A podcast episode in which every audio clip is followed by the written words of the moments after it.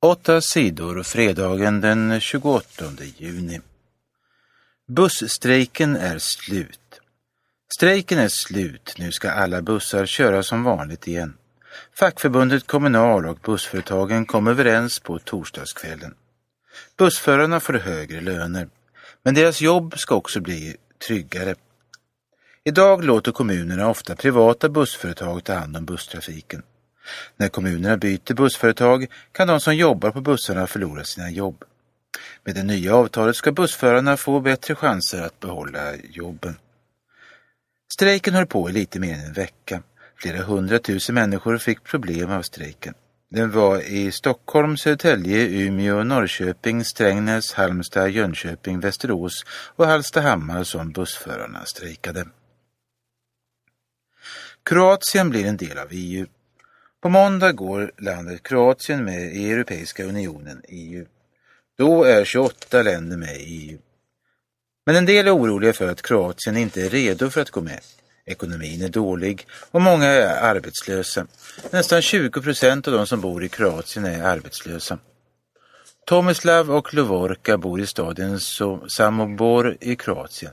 De har två små döttrar. De har svårt att få pengarna att räcka. Därför tänker de flytta till England så fort EU-medlemskapet är klart. För tio år sedan såg det bra ut. Det fanns en positiv känsla. Nu stänger företag varje dag. Folk är oroliga och ledsna. Vi kan inte leva normalt, säger Tomislav till TT. Åtta sidor TT.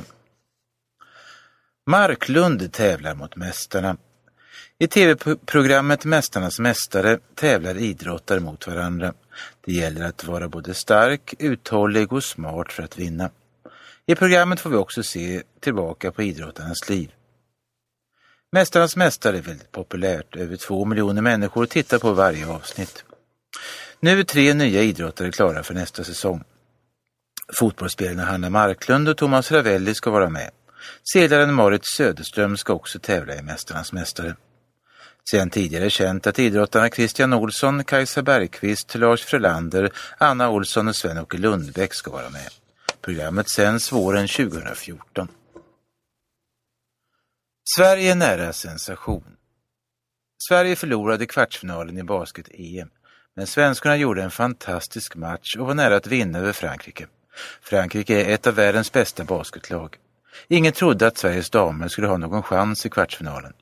Men svenskarna chockade Frankrike. De spelade tufft och inte alls försiktigt. När det bara var några minuter kvar av matchen ledde Sverige. Men fransyskorna gjorde ett starkt slut och vann med fyra poäng 87-83. Sverige har fortfarande chans att bli bland de sex bästa lagen i EM. Då får Sverige spela i VM. Bombmannen kan dömas till döden. I april sprängdes flera bomber i staden Boston i USA. Bomberna sprängdes vid målet till tävlingen Boston Marathon. Tre människor dog och 264 skadades. Det var två bröder som sprängde bomberna. En av dem dödades i en strid med poliserna. En polis dog också.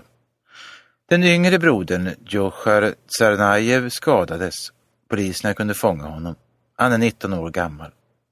Nu har han åtalats. Han åtalas för mord och för att ha sprängt bomberna. Det betyder att han kan dömas till döden. Rättegången börjar senare i sommar. Misstänkt bomb stoppade match. Om några veckor öppnas Stockholms nya arena, Tele2 Arena. På torsdagen skulle en testmatch spelas på arenan. Men matchen stoppades. Utanför arenan hittades en låda som kunde vara en bomb. Polisens experter upptäckte att det fanns sprängämnen i lådan. Poliserna stängde arenan för att leta efter fler misstänkta bomber. Ingen vet ännu vem som lagt ut den misstänkta bomben. Men det har varit bråk om testmatchen tidigare. Både Hammarby och Djurgården ska spela fotboll på den nya arenan. Hammarby har fått löfte om att spela den första matchen, men det var Djurgården som skulle spela testmatchen. Det har gjort en del av Hammarbys supportrar arga.